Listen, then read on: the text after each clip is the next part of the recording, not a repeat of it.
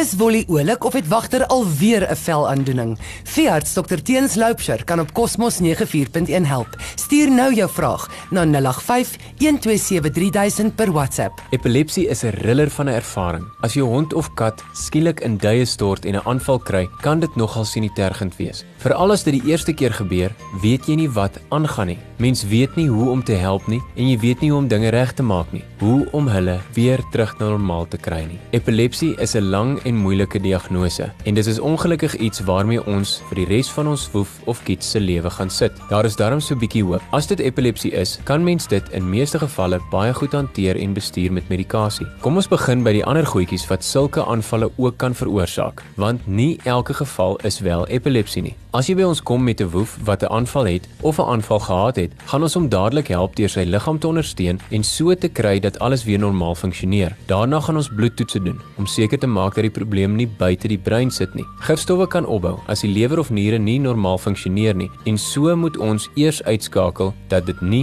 die lewer of niere is wat die probleem is nie. Daarna is daar 'n klompie verskillende medikasies wat ons kan gebruik om die epilepsie te kan beheer. Die belangrikste ding van epilepsie beheer is dat die medikasie elke dag, elke liewe dag op presies dieselfde tyd gegee word. Van die medikasie moet selfs 3 keer 'n dag gegee word, maar ons hoop nie om daarby uit te kom nie. Dan begin ons met behandelingsprotokol. Ongelukkig werk elke medikasie nie altyd vir elke dier nie, maar gewoonlik vind ons een. Die volgende ding is dat mense moet begin opweeg. Op watter stadium begin ons vir epilepsie behandel? As 'n diertjie se aanvalle vir korter as 3 minute duur, vergewe ons hulle dit gewoonlik. En veral as hulle so aanval minder as 1 keer elke 4 tot 6 maande kry. Ons moet ook onthou dat al behandel mens met die ideale medikasie, verwag ons in elk geval ongelukkig steeds 'n aanval in so 'n tyd, so 4 tot 6 maande. Ons wil dit graag bestuur dat dit minder of min of meer daar bly. Hier kom ook die kruks. Wanneer is dit 'n noodgeval en wanneer moet jy in middernag die veearts bel vir 'n naure uitroep? Eerste ding, haal asem. Ek weet dit is moeilik. Hier gaan dan nou baie aan, maar ons moet rustig word